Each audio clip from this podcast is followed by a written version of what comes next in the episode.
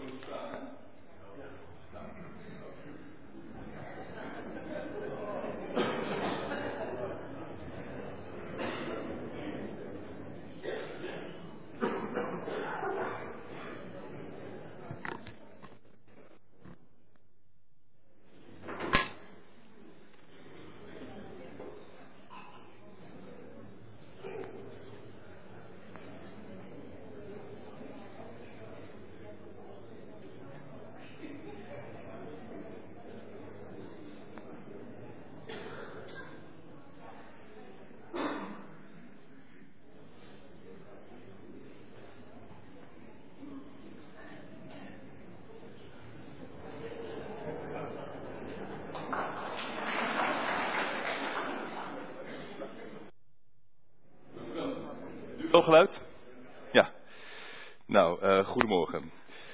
Nog een keer, goedemorgen. Uh, ja, ik heb een, uh, een preek bij me, best wel over een heftig thema. Het onderwerp uh, ja, gaat over ja, hoe leef je nou met de wetenschap dat je gaat sterven. En ja, prediker, we gaan ook preken vanuit prediker, ja, die roept ons ook daartoe op om juist daarbij stil te staan. Nou, dus best wel stevig onderwerp. Jullie hebben al vanaf half tien een, uh, een lied gezongen. Ondertussen hebben jullie ook uh, nou, dit nog allemaal moeten meemaken. Dus ik stel voor dat we het intoslied dat ik zelf had, uh, dat we dat gewoon laten zitten, anders wordt de dienst veel te lang. laten we eerst gaan staan en een, een stil moment voor God hebben.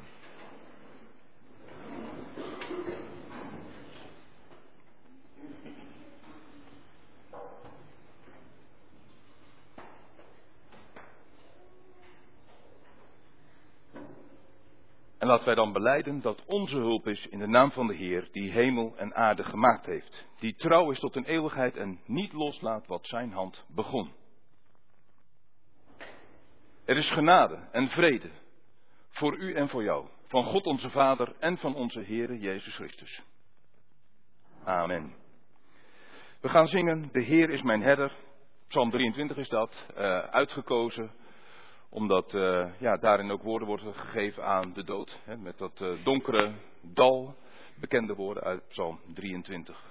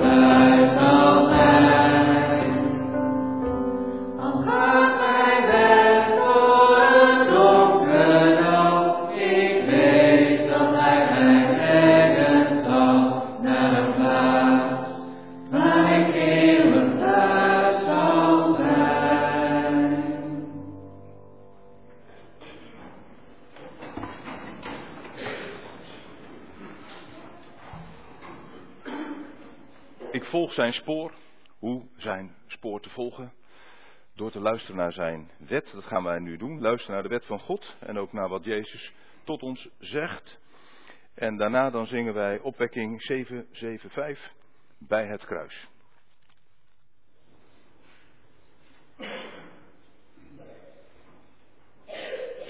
Toen sprak God deze woorden. Ik ben de Heer uw God die u uit Egypte, uit de slavernij heeft bevrijd. Vereer naast mij geen andere goden. Maak geen beelden. Geen enkele afbeelding van iets dat in de hemel hierboven is, of van iets beneden op de aarde, of in het water onder de aarde. Kniel voor zulke beelden niet neer. Vereer ze niet, want ik, de Heer uw God, duld geen andere goden naast mij. Voor de schuld van de ouders laat ik de kinderen boeten en ook het derde geslacht en het vierde, wanneer ze mij haten. Maar als ze mij lief hebben en doen wat ik gebied, bewijs ik mijn liefde tot in het duizendste geslacht. Misbruik de naam van de Heer uw God niet. Want wie zijn naam misbruikt, laat hij niet vrij uitgaan. Houd de Sabbat in ere. Het is een heilige dag. Zes dagen lang kunt u werken, al uw arbeid verrichten, maar de zevende dag is een rustdag die gewijd is aan de Heer uw God. Dan mag u niet werken. Dat geldt voor u, voor uw zonen en dochters, voor uw slaven en slavinnen, voor uw vee en ook voor vreemdelingen die bij u in de stad wonen. Want in zes dagen heeft de Heer de hemel en de aarde gemaakt en de zee met alles wat erin leeft. En op de zevende dag rustte hij. Daarom heeft de Heer de Sabbat gezegend en heilig verklaard. Toon eerbied voor uw vader en uw moeder. Dan wordt u gezegend met een lang leven in het land dat de Heer uw God u geven zal. Pleeg geen moord. Pleeg geen overspel. Steel niet. Leg over een ander geen vals getuigenis af. En zet uw zinnen niet op het huis van een ander, evenmin op zijn vrouw, op zijn slaaf, zijn slavin, zijn rund of zijn ezel of wat hem ook maar toebehoort. En Jezus, hij zegt, heb de Heer uw God lief. Met heel uw hart, met heel uw ziel, met heel uw verstand. Dat is het eerste, het grootste en eerste gebod. En het tweede daaraan gelijk is, heb uw naaste lief als uzelf.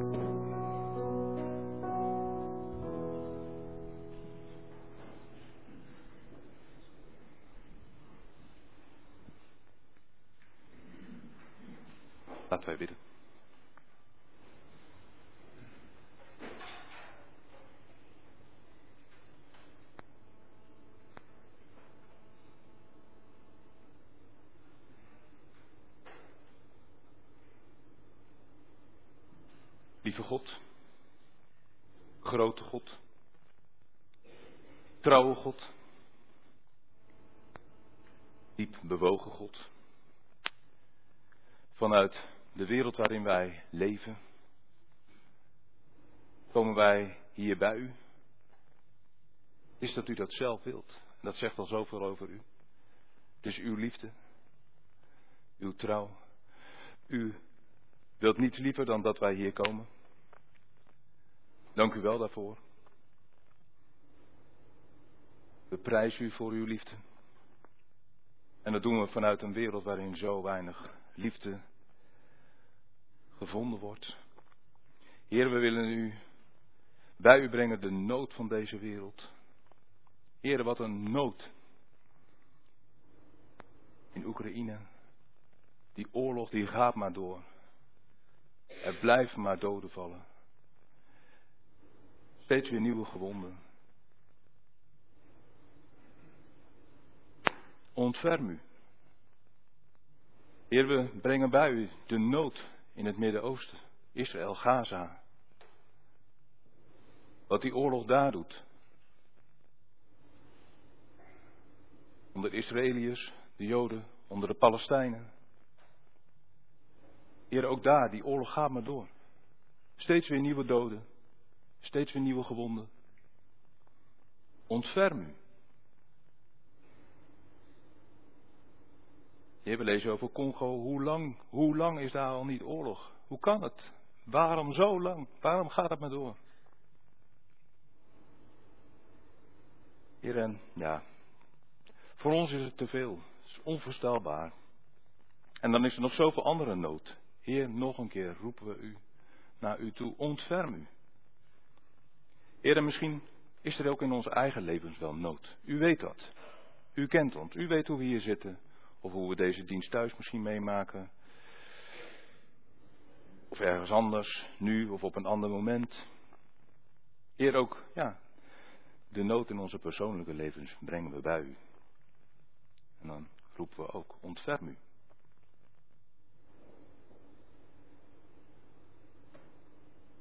Eerder misschien is er ook wel nood, ja, door, doordat wij met de dood te maken hebben gehad. De liefde die ons ontvallen zijn. Dierbare. Heer, ook dan roepen we u. Ontferm u. Heer, we willen u danken dat we u mogen kennen als een God die zich ontfermt.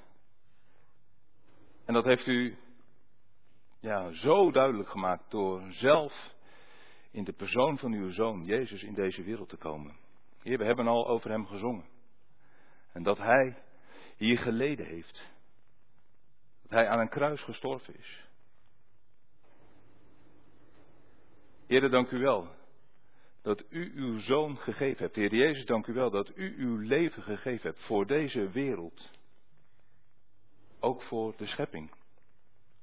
Ook in nood. Heer, dank u wel dat er daarom hoop is. Dank u wel ook dat er daarom vergeving is. Mochten we van zingen. We vragen ook, vergeef genadig onze zonden, onze eigen bijdrage aan zoveel nood in de wereld. Heer, we vragen u, spreek in deze dienst tot ons hart. Bouw ons op. Geef in ons hart verlangen naar u. Dat we ons door u willen laten verzorgen. Dat we ons door u willen laten vertroosten. Dat we ons door u willen laten bemoedigen. En bewaar ons ervoor dat we ons liever wat afsluiten.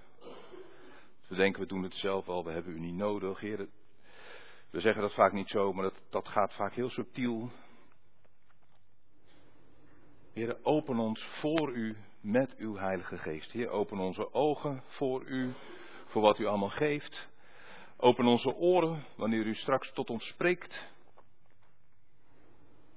Heer, laat de lezing uit de schrift tot zegen van ons zijn. Laat ook de verkondiging na dat woord van u zijn en ook zo tot zegen van ons mogen zijn.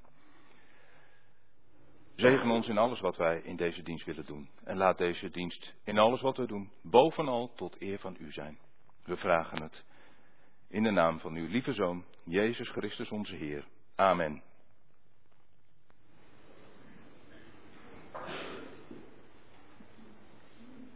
Ik uh, had begrepen dat jullie het wel uh, fijn vinden als er een kindmoment is. Ik heb alleen geen losse microfoon.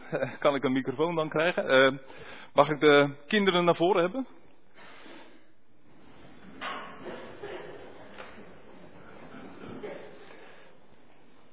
Ja. ja, jullie moeten maar een beetje hier. Dan,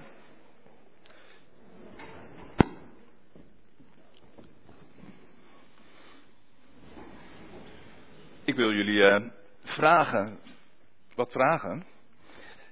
Wat vind je fijn? Wat vind jij fijn?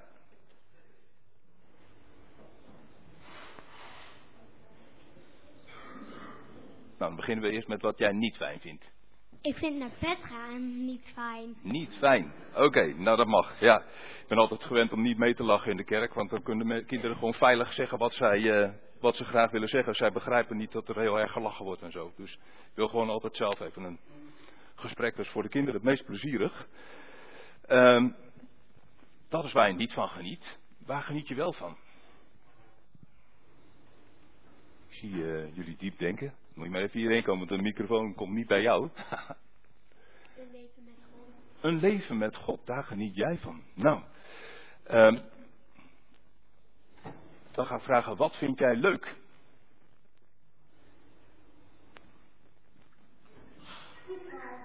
Voetbal. Kijk, nou, ik denk dat anderen ook wel wat hebben wat ze leuk vinden. Wat vind jij leuk? Gamen. Wat vind jij leuk? Dat is spannend, hè? Kieleren. Wat vind jij leuk? Fietsen. Wat vind jij leuk? Turnen. Turnen. Nou, zoveel leuke dingen. En weet je wat je dan mag? Denk wat God in de Bijbel tegen jou zegt. Al die leuke dingen, die geef ik jou. Dus dat mag je van God krijgen. En dan leef je ook met God, wat jij zegt. Dat vind ik heel mooi. Als je dat zo bedenkt van al die leuke dingen, die geeft God aan mij. En daarom mag ik ervan genieten, want God geeft het. Nou, geniet zo van alle leuke dingen in je leven. Daar gaat het uh, in deze dienst ook uh, heel erg over. We gaan een liedje zingen. En jullie mogen uh, voor blijven zitten, begrijp ik.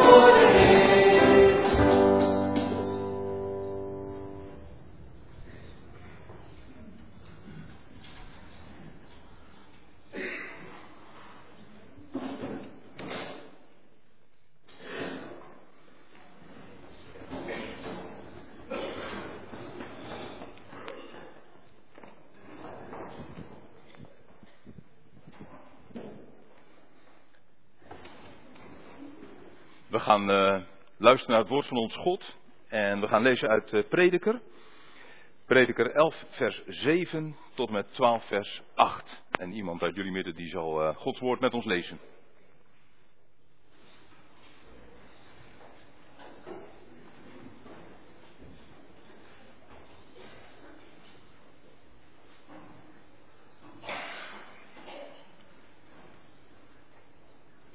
Het licht is een genot. Wat een weldaad voor de ogen om de zon te zien. Wanneer een mens lang leeft, laat hij dan van elke dag genieten en bedenken dat de dagen van de duisternis ontelbaar zullen zijn. De toekomst is niets dan leegte. Geniet dus, beste vriend, van je jonge jaren. Haal je hart op aan de dagen van je jeugd. Volg de wegen die je hart wilt gaan Gun je ogen wat ze wensen. En onthoud bij alles wat je doet dat God je aan zijn oordeel onderwerpt. Belast je hart niet met verdriet en houd je lichaam vrij van kwalen, want je jeugd en je jonge jaren zijn al snel voorbij. Gedenk daarom je schepper in de dagen van je jeugd, voordat de slechte dagen komen en de jaren naderen waarvan je zegt, in deze jaren vind ik weinig vreugde meer. Voordat de zon verduistert, de sterren en de maan niet langer stralen, de lucht ook na regen grauw van wolken wordt, de dag waarop de wachter trillend voor het huis staat, de soldaten kromgebogen voortgaan, de maalsters langzaam aan verdwijnen, de vrouwen uit het venster staren en een schaduw lijken. Wanneer de deuren naar de straat worden gesloten, de molen geen geluid meer maakt, het fluiten van de vogels ijl wordt, wanneer hun lied versterft, je durft geen heuvel te beklimmen, de weg is vol gevaar, de amandelboom behoudt zijn wintertooi, de sprinkhaan sleept zich voort, de kapperbes droogt uit, een mens gaat naar zijn eeuwig huis, een klaagzang vult de straat. Voordat het zilverkoord wordt weggenomen, de gouden lamp gebroken, de kruik bij de bron in stukken valt, het scheprad bij de put wordt stuk gebroken. Wanneer het stof terugkeert naar de aarde, weer wordt zoals het was. Wanneer de adem van het leven weer naar God gaat, die het leven heeft gegeven. Lucht en leegte zegt prediker. Alles is leegte.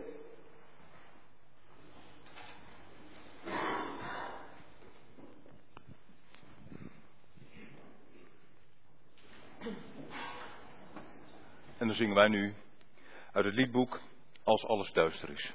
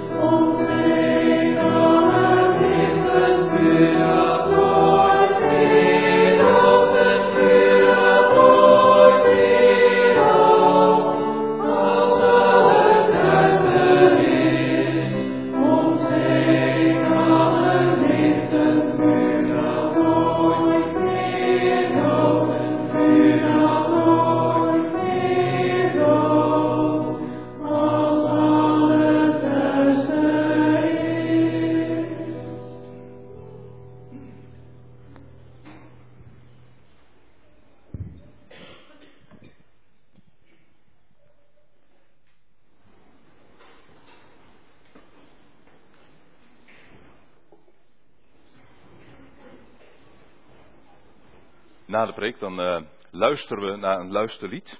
En dat is het lied Leef met volle teugen van King Daban en Egbert Smelt.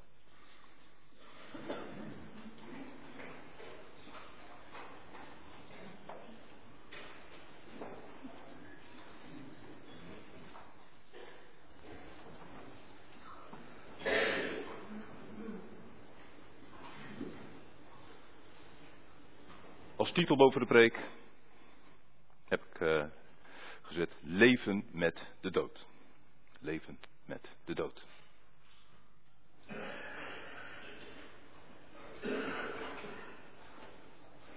Kent u het schilderij De anatomische les van dokter Nicolaas Tulp van Rembrandt? Een lijk op een operatietafel. Studenten eromheen. En dokter Nicolaas Tulpen die die Tulp die die uh, studenten uitlegt hoe het menselijk lichaam in elkaar zit. En hij laat zijn studenten kijken in een opengesneden arm. Nou, uh, ik denk dat iedereen daar minimaal wel eens een keer een afbeelding van gezien zal hebben. Ik laat hem hoe dan ook niet op de beamer zien, want de plaat is gewoon te heftig. In een krant las ik een keer een, eh, een interview met iemand die, ja, die natuurlijk ook wel plaatjes van die, van dat schilderij van Rembrandt had gezien. Maar een keer zag hij het in het echt. En hij zei daar dit over, dat schilderij in het echt zien, eng, krachtig, groots. Hij is uh, meer dan eens naar het museum teruggekeerd om nog eens een keer te kijken. En ja, dit zegt hij er dan over nadat hij vaker gekeken heeft. Ik haal hem gewoon even letterlijk aan. Het wendt nooit. Het is zo'n krachtig beeld van de dood, van het voorbijgaan der dingen. Die mannen rondom dat dode lichaam, je ziet ze denken, ik ben de volgende. En je voelt jezelf ook onderdeel van de toeschouwers, omdat ze in een soort cirkel staan. Dat heeft Rembrandt heel subtiel gedaan. Je ziet je eigen dood als het ware. Rembrandt is heftig. Daar wil je niet per se elke dag naar kijken. Tot zover uh, die man in de krant. Ik ben de volgende. Prediker wil dat jij je dat realiseert. En niet eens een keer, maar steeds opnieuw. Maar ja. Hoe dan te leven als je je dat steeds moet realiseren?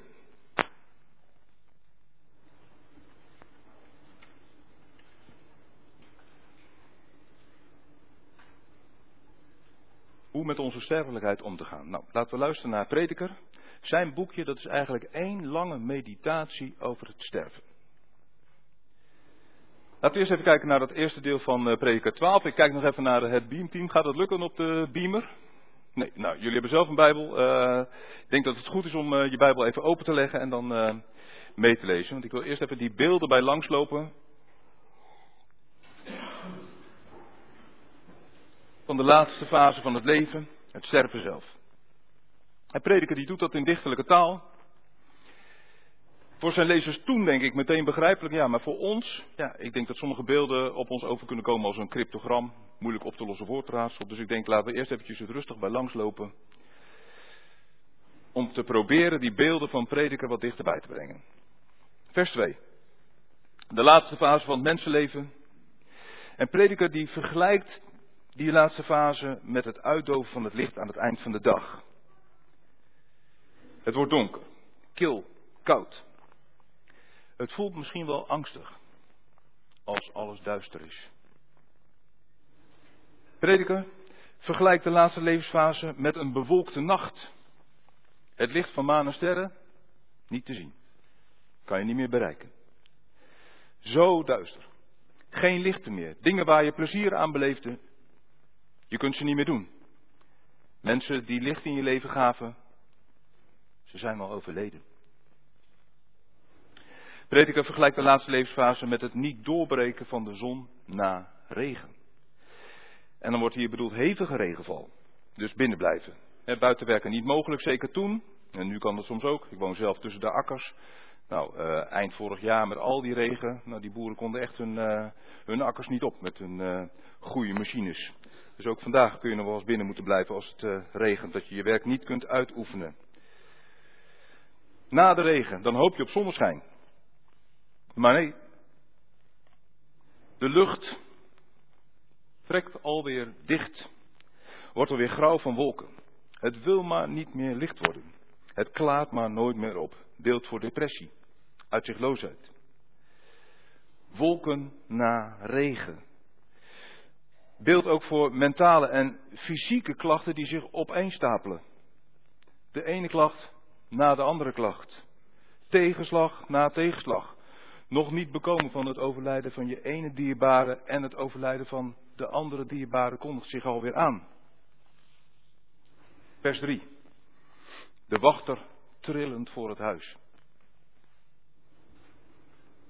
De meeste vertalingen hebben wachters, meervoud. Dat is een beeld voor de armen. Trillend hangen ze langs het lichaam. Je kunt er geen gevaar meer mee afweren. Je kunt er niets meer mee verplaatsen. De soldaten die kromgebogen voortgang gaan, beeld voor wankele benen. Je schuifelt en strompelt er nog wat mee. De verdwijnende maalsters, beeld voor tanden en kiezen die laten afweten. Vrouwen die uit, venster, uit het venster staren en een schaduw lijken, beeld voor ogen die verduisterd worden, verblind. Ogen die niet meer stralen. Ze hebben alle glans verloren, dof, doodse blik. Sommigen zien vers 3 anders, als een totaalbeeld van een huis in verval. Weinig meer over van wat het ooit was. Of van een huis in rouw met het oog op wat er komen gaat. Rouw ook om wat er niet meer is, wat al niet meer kan. En dan is het een beeld voor de aftakeling van het hele leven. Het naderen van de dood. Vers 4. De deuren naar de straat gesloten. Je kunt niet meer deelnemen aan het alledaagse leven. Je wereldje wordt al kleiner. Eenzaamheid, je deel. Dan die molen die geen geluid meer maakt. Je hoort de wieken niet meer draaien. De maalstenen niet meer schuren. Werken gaat niet meer. Je staat buiten het arbeidsproces. Het fluiten van de vogels wordt ijl van toon. Je hoort steeds slechter. Hun lied versterft. Je wordt doof. Nou, anderen horen in deze beelden weer wat anders. Er is weinig meer wat je opbeurt. Het leven bruist niet meer. Dan vers 5. Geen heuvel durven beklimmen. Met je krakkemikkige benen kijk je wel uit. De weg vol gevaar. Nou, in onze context losse stoeptegel. Toen de ene na de andere hobbel. Hè. Ze hadden toen nog geen geasfalteerde paadjes. Zoals je, als jullie hier ook een park hebben, ongetwijfeld ook in een park hebt. Um, ja, misschien is deze passage ook nog wel beeld voor, voor angsten. Hè, voor wat er allemaal op je af kan komen. De aftakeling, de dood. De amandelboom behoudt zijn wintertooi. Nou, Preker die denkt hierbij aan de witte bloesem van de amandelboom en hij gebruikt het als beeld voor de grijze haren. En dan de sprinkhaan die zich voortsleept. Ja, uh, ik heb nergens kunnen vinden in geen enkel commentaar waar die springhaan dan uh, voor zou kunnen staan. Maar ja, misschien gaat het wel heel, heel gewoon om het contrast. Hè. Bij een springhaan ja, denk ik aan zo'n uh, veertje, aan je pen. Als je zo'n veertje, hebben jullie vast allemaal wel eens gedaan, zo'n veertje indrukt en je haalt je vinger weg, dan ploep. Nou, dat, dat zie ik als, een, als een springhaan. Ja, ik heb er helemaal geen studie van gemaakt, maar ik vermoed wanneer een springhaan oud is dat hij dat niet meer kan. Dus, ja, en dan is het beeld voor ooit liep je als de beste. Je rende, je huppelde, je sprong een gat in de lucht. Ja. En op een dag sleep je je voort achter je looprekje of je rollator. En dan die uh, kapperbes die uitdroogt. Nou, de, de kapperbes die werd toen gegeten als opwekkend middel. Beeld voor lust, ook voor seksuele lust. Ja, een keer is die er niet meer. Gaan naar het eeuwig huis beeld voor het sterven, binnengaan van het dodenrijk. En de mens die zal daar nooit meer uit terugkeren. Nou, geloof in de lichamelijke opstanding is er in prediker nog niet, nog niet te vinden. Nou ja, alle reden dus om klaagvrouwen, die hadden ze toen, in te schakelen. En hun klaagzang vulde de straat. Dan vers 6.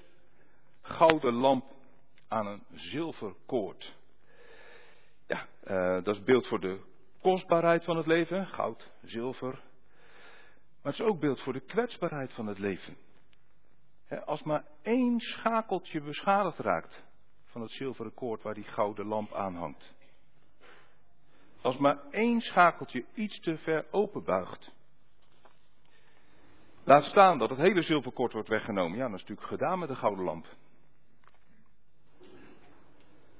De kruik bij de bron, scheprad bij de put. Nou, dan moet je natuurlijk denken aan water halen uit een bron, water halen uit de put. Toen was dat natuurlijk de meest noodzakelijke, de meest noodzakelijke handeling. De meest noodzakelijke, meest vanzelfsprekende handeling. Maar bij een bron een kruik in stukken, ja, dat is dus een verlaten bron. Bij een put een stuk gebroken rad, ja, dat is dus een verlaten put. Alles wat vanzelfsprekend was, het is er niet meer. Alles wat altijd gedaan werd, het gebeurt niet meer.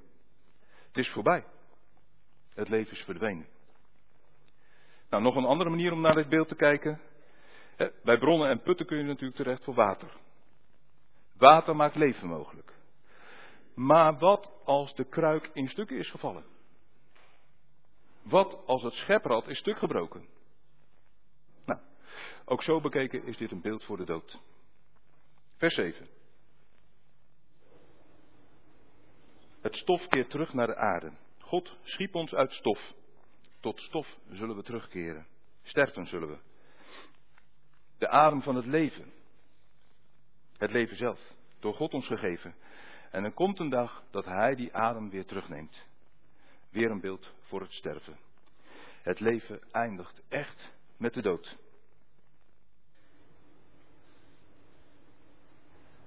Even mijn map weg, want mijn papier die glijden. Zo.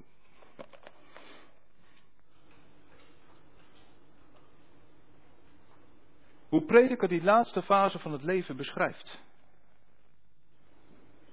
Het gaat om harde realiteiten. Hij heeft het over de dagen van de duisternis ontelbaar. Hij heeft het over slechte dagen. Hij heeft het over weinig vreugde. Hoe prediker die laatste fase van het leven omschrijft. Hè? Hij heeft het dus over harde realiteiten. Maar hij schrijft er met zo'n zachte pen over. En niet soft, maar teer, teder. Ik proef daar ook liefde in. En aan het eind van de preek kom ik daar nog op terug. Maar hoe mooi ik deze dichterlijke beschrijving ook vind, mij bekruipen meteen nare vragen. En mij bekropen meteen nare vragen toen ik ja, met de voorbereiding van deze preek bezig was.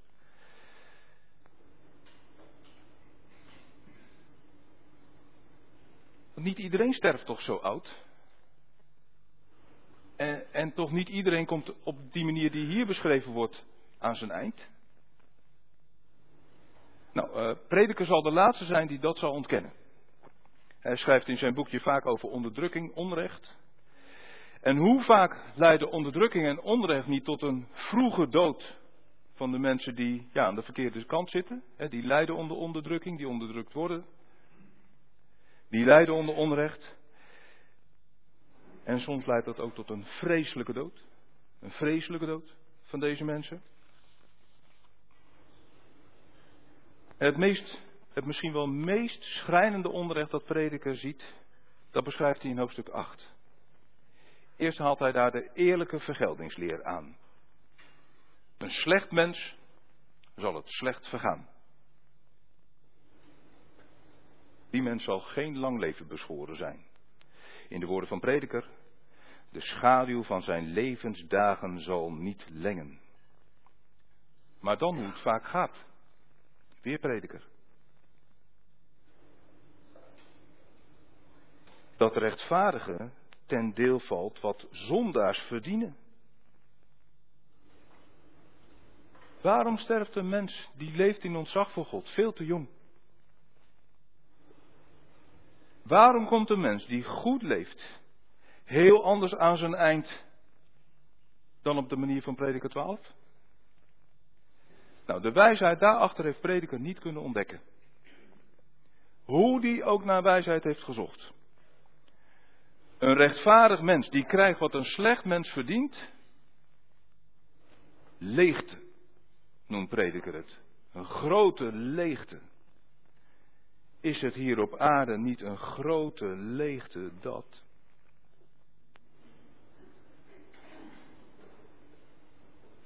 Maar achter zoveel meer heeft prediker de wijsheid niet kunnen ontdekken.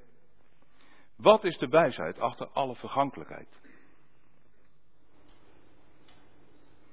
Wat is, het, wat is de wijsheid achter het lot dat ieder treft? De dood. Ik uh, haal hem weer aan, prediker. Niemand heeft macht over zijn adem. Geen mens kan tegenhouden dat zijn adem vergaat. Niemand heeft macht over de dag waarop hij sterft. Geen mens ontvlucht het slagveld van de dood. 8 vers 8. We leven maar zo kort. Voor je het weet ben je er niet meer. Ben je vergeten alsof je niet bestaan hebt. Door jou niets aan te doen, niets aan te veranderen.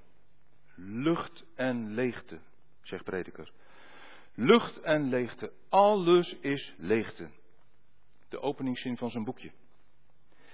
En niet voor niets eindigt ook zijn beschrijving van de laatste levensfase ermee, 12 vers 8. Die, ziet, die lieve, liefdevolle, zachte en realistische beschrijving van de laatste levensfase loopt uit op lucht en leegte, zegt prediker. Alles is leegte. En toch wordt prediker niet cynisch of depressief. In zijn zoektocht naar wijsheid is toch een inzicht bij hem doorgebroken. Hij kan het leven zoals het is niet doorgronden. Hij heeft er geen grip op. Hij kan er de hand niet op leggen. Nou, op de dood al helemaal niet. 8 vers 8 opnieuw.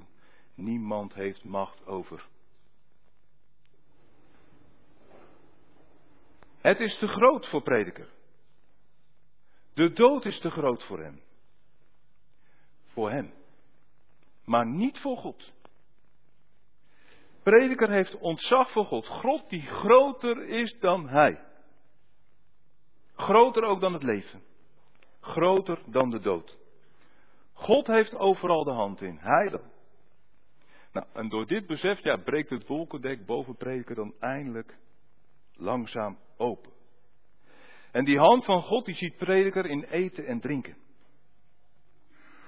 In wat al je gezwoeg je dan toch maar oplevert. Je ontvangt het uit de hand van God. Om ervan te genieten. En hoe?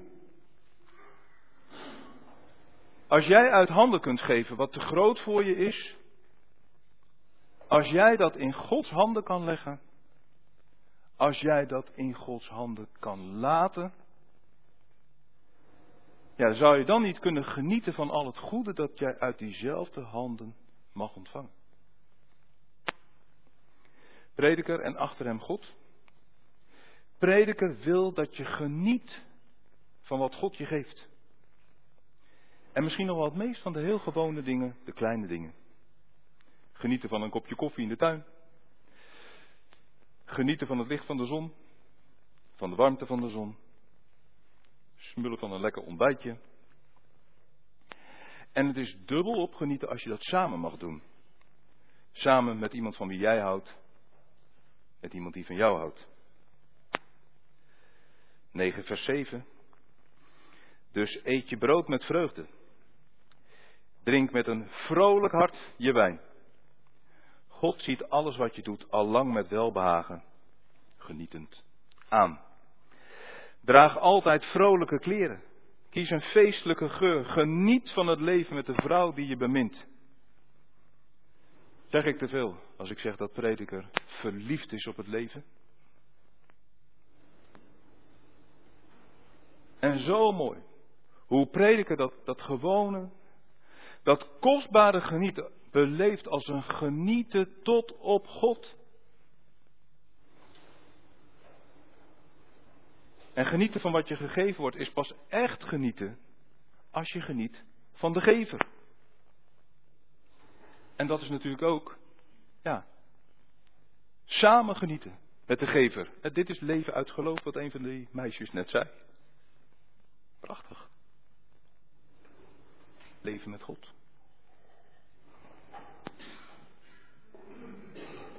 Genieten van de gever. Samen genieten met de gever. Nou, en dan prediker 11. Dat genieten, dat moet je nu doen. Want morgen ben je er misschien niet meer. Geniet wanneer je jong bent. De gebreken van de ouderdom, ze komen eerder dan je zou willen. De naderende dood. En misschien komt die sneller dan je denkt. Die naderende dood is aansporing om te genieten. Uh, is het dan de dood die waarde aan het leven geeft? Alsof je pas echt kan genieten van het leven wanneer je realiseert dat je een keer doodgaat. Dat hoor je veel, maar prediker die ziet het radicaal anders. Je kunt pas echt genieten van het leven. Je kunt pas echt genieten van wat het leven je allemaal te bieden heeft. Als je het ontvangt. En je kunt nog meer genieten als je elke dag van je leven van het altijd veel te korte leven. De dood blijft de laatste vijand. 1 Korinthe 15. Je kunt nog meer genieten als je elke dag van je leven geniet van de gever van het leven. Tot slot. Ik zou nog terugkomen op die, uh, ja, die lieflijke manier waarop prediker het laatste, de laatste levensfase beschrijft. Waarom zo lieflijk, zo teder beschreven? Zou het niet komen? Omdat hij het leven tot op het laatst als een kostbaar geschenk beschouwt. Hoe kwetsbaar ook, bovenal kostbaar. Tot en met de laatste ademhaling blijft jouw leven geschenk. Pak het uit. Tot de laatste ademhaling. We leven met de dood. We leven, we gaan dood. Gedenk daarom je schepper. Nou, ik heb daar in een, uh, in een volgende preek ja, veel meer over gezegd. Ook over Gods oordeel. Maar in het kader van dit hoofdstuk, gedenk je schepper. Vertrouw je voor leven en sterven toe aan de God die groter is dan jij. Groter dan het leven.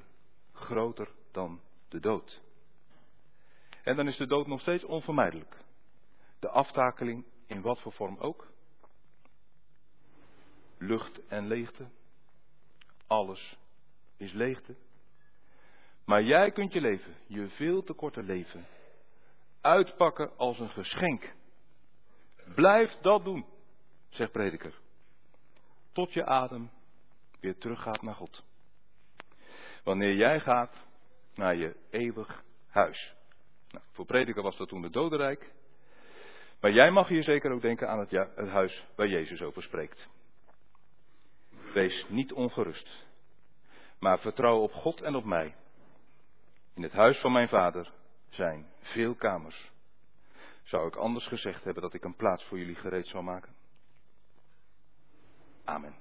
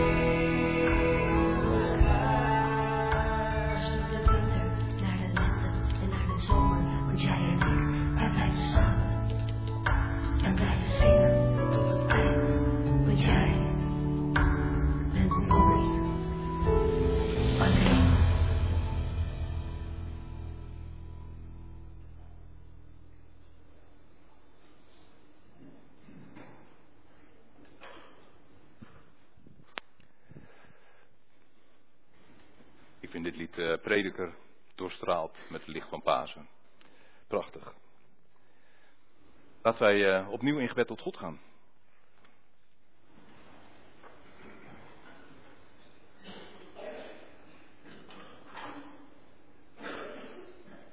Heere God, u heeft de prediker gebruikt ja, om eh, woorden van u door te geven aan ons. En een van de dingen, ja, waar hij heel veel nadruk op legt, is dat wij ontzag voor u hebben. Nou, dat willen we dan maar vragen of u ons dat ontzag voor u wilt geven. Heer, want u bent zo groot dat, ja, dat we daar iets van beseffen, van hoe groot u wel niet bent. Dat we daar uiteindelijk ook geen woorden voor hebben. Of misschien wel met woorden kunnen aanduiden, maar ja, dat we eigenlijk nog niet eens weten waar we het over hebben. Heer, hoe dan ook, u bent groter dan het leven. U bent groter ook dan de dood. Heer, en voor ons is dat, ja, te groot. En we vragen u, ja, help ons om wat, om wat te groot voor ons is, om dat bij u te brengen, bij u neer te leggen, bij u te laten. En denken we in deze dienst bijzonder aan de dood. Heren, en geef dat dat dan een, zegenende uitwerking op ons mag hebben. Dat we dan ook echt kunnen genieten van wat uit uw handen dan weer naar ons toe komt. Heren, dank u wel voor alles wat u ons ook in de afgelopen week gaf. Wat zachter weer.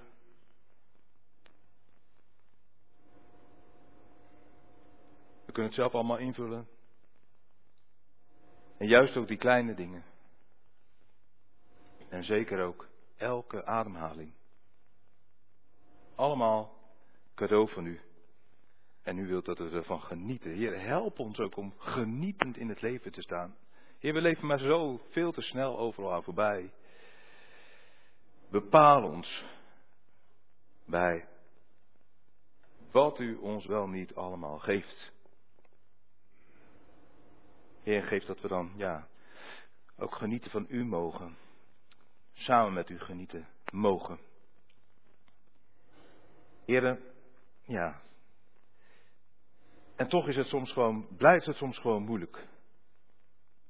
Voor sommigen misschien zelfs niet te doen. Te leven met de dood. Heer, dan bidden we, ontferm u. Ontferm u wanneer het niet lukt.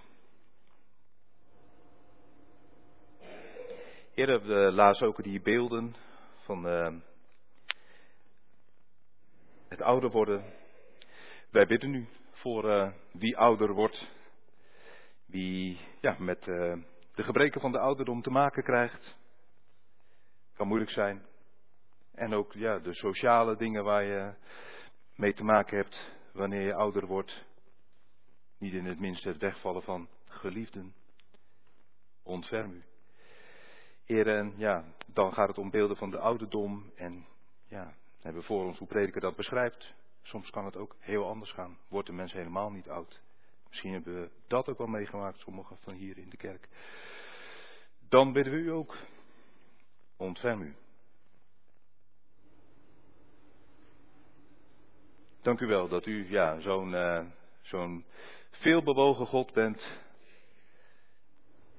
Dat u bovenal een goede God bent. Bovenal een God van liefde die niets liever wil dan in liefde met ons te leven. Heer, geef door uw geest dat wij ook niet liever willen dan in liefde met u te leven. En geef ons zo een goed, een fijn, een kostbaar leven. En ga ook zo met ons mee de nieuwe week in.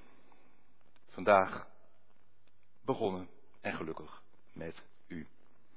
Heer, help ons in vertrouwen de nieuwe week in te gaan. Want u bent erbij. En u zult ons geven, blijven geven, wat wij nodig hebben. Dank u wel daarvoor. Aan u alle eer. Amen. Ik vergat voor één ding te bidden. Dat gaan we alsnog doen. Uh, die kreeg ik. Uh, nee, ik had er ook een mailtje van gekregen. Uh, jullie hebben ook uh, contact met de kerk in Kiev, Oekraïne. Um, via de Oekraïne-zending. Ja, daar is natuurlijk heel veel spanning. Die mensen staan zelf ook onder druk. Ook de kerkleden staan daar onder druk. Ja, en dat heeft helaas tot gevolg dat de kerk daar nu in tweeën ligt. Dus het is heel naar. Kerk in tweeën verdeeld. Um, er is al snel hulp van zusterkerken ingeroepen. De synode heeft een tijdelijke kerkenraad ingesteld om ja, proberen de vrede in de gemeente terug te brengen. Uh, de Oekraïne-zending is er ook bij betrokken om, uh, ja, er weer, uh, om weer gesprek op gang te brengen tussen de beide partijen.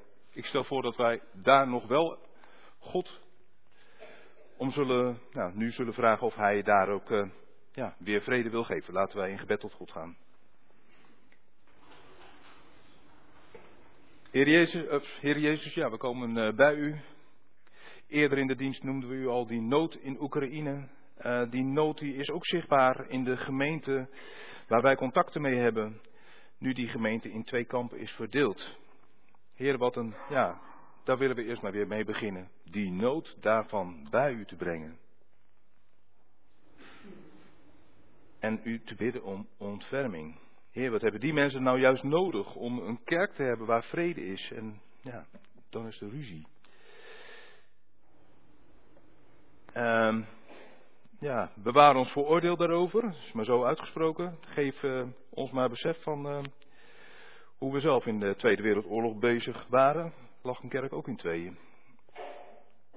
Ehm, ja, dus zonder u gaat het gewoon niet. En deze mensen, kinderen van u, broeders en zusters van ons, wat hebben ze u hard nodig?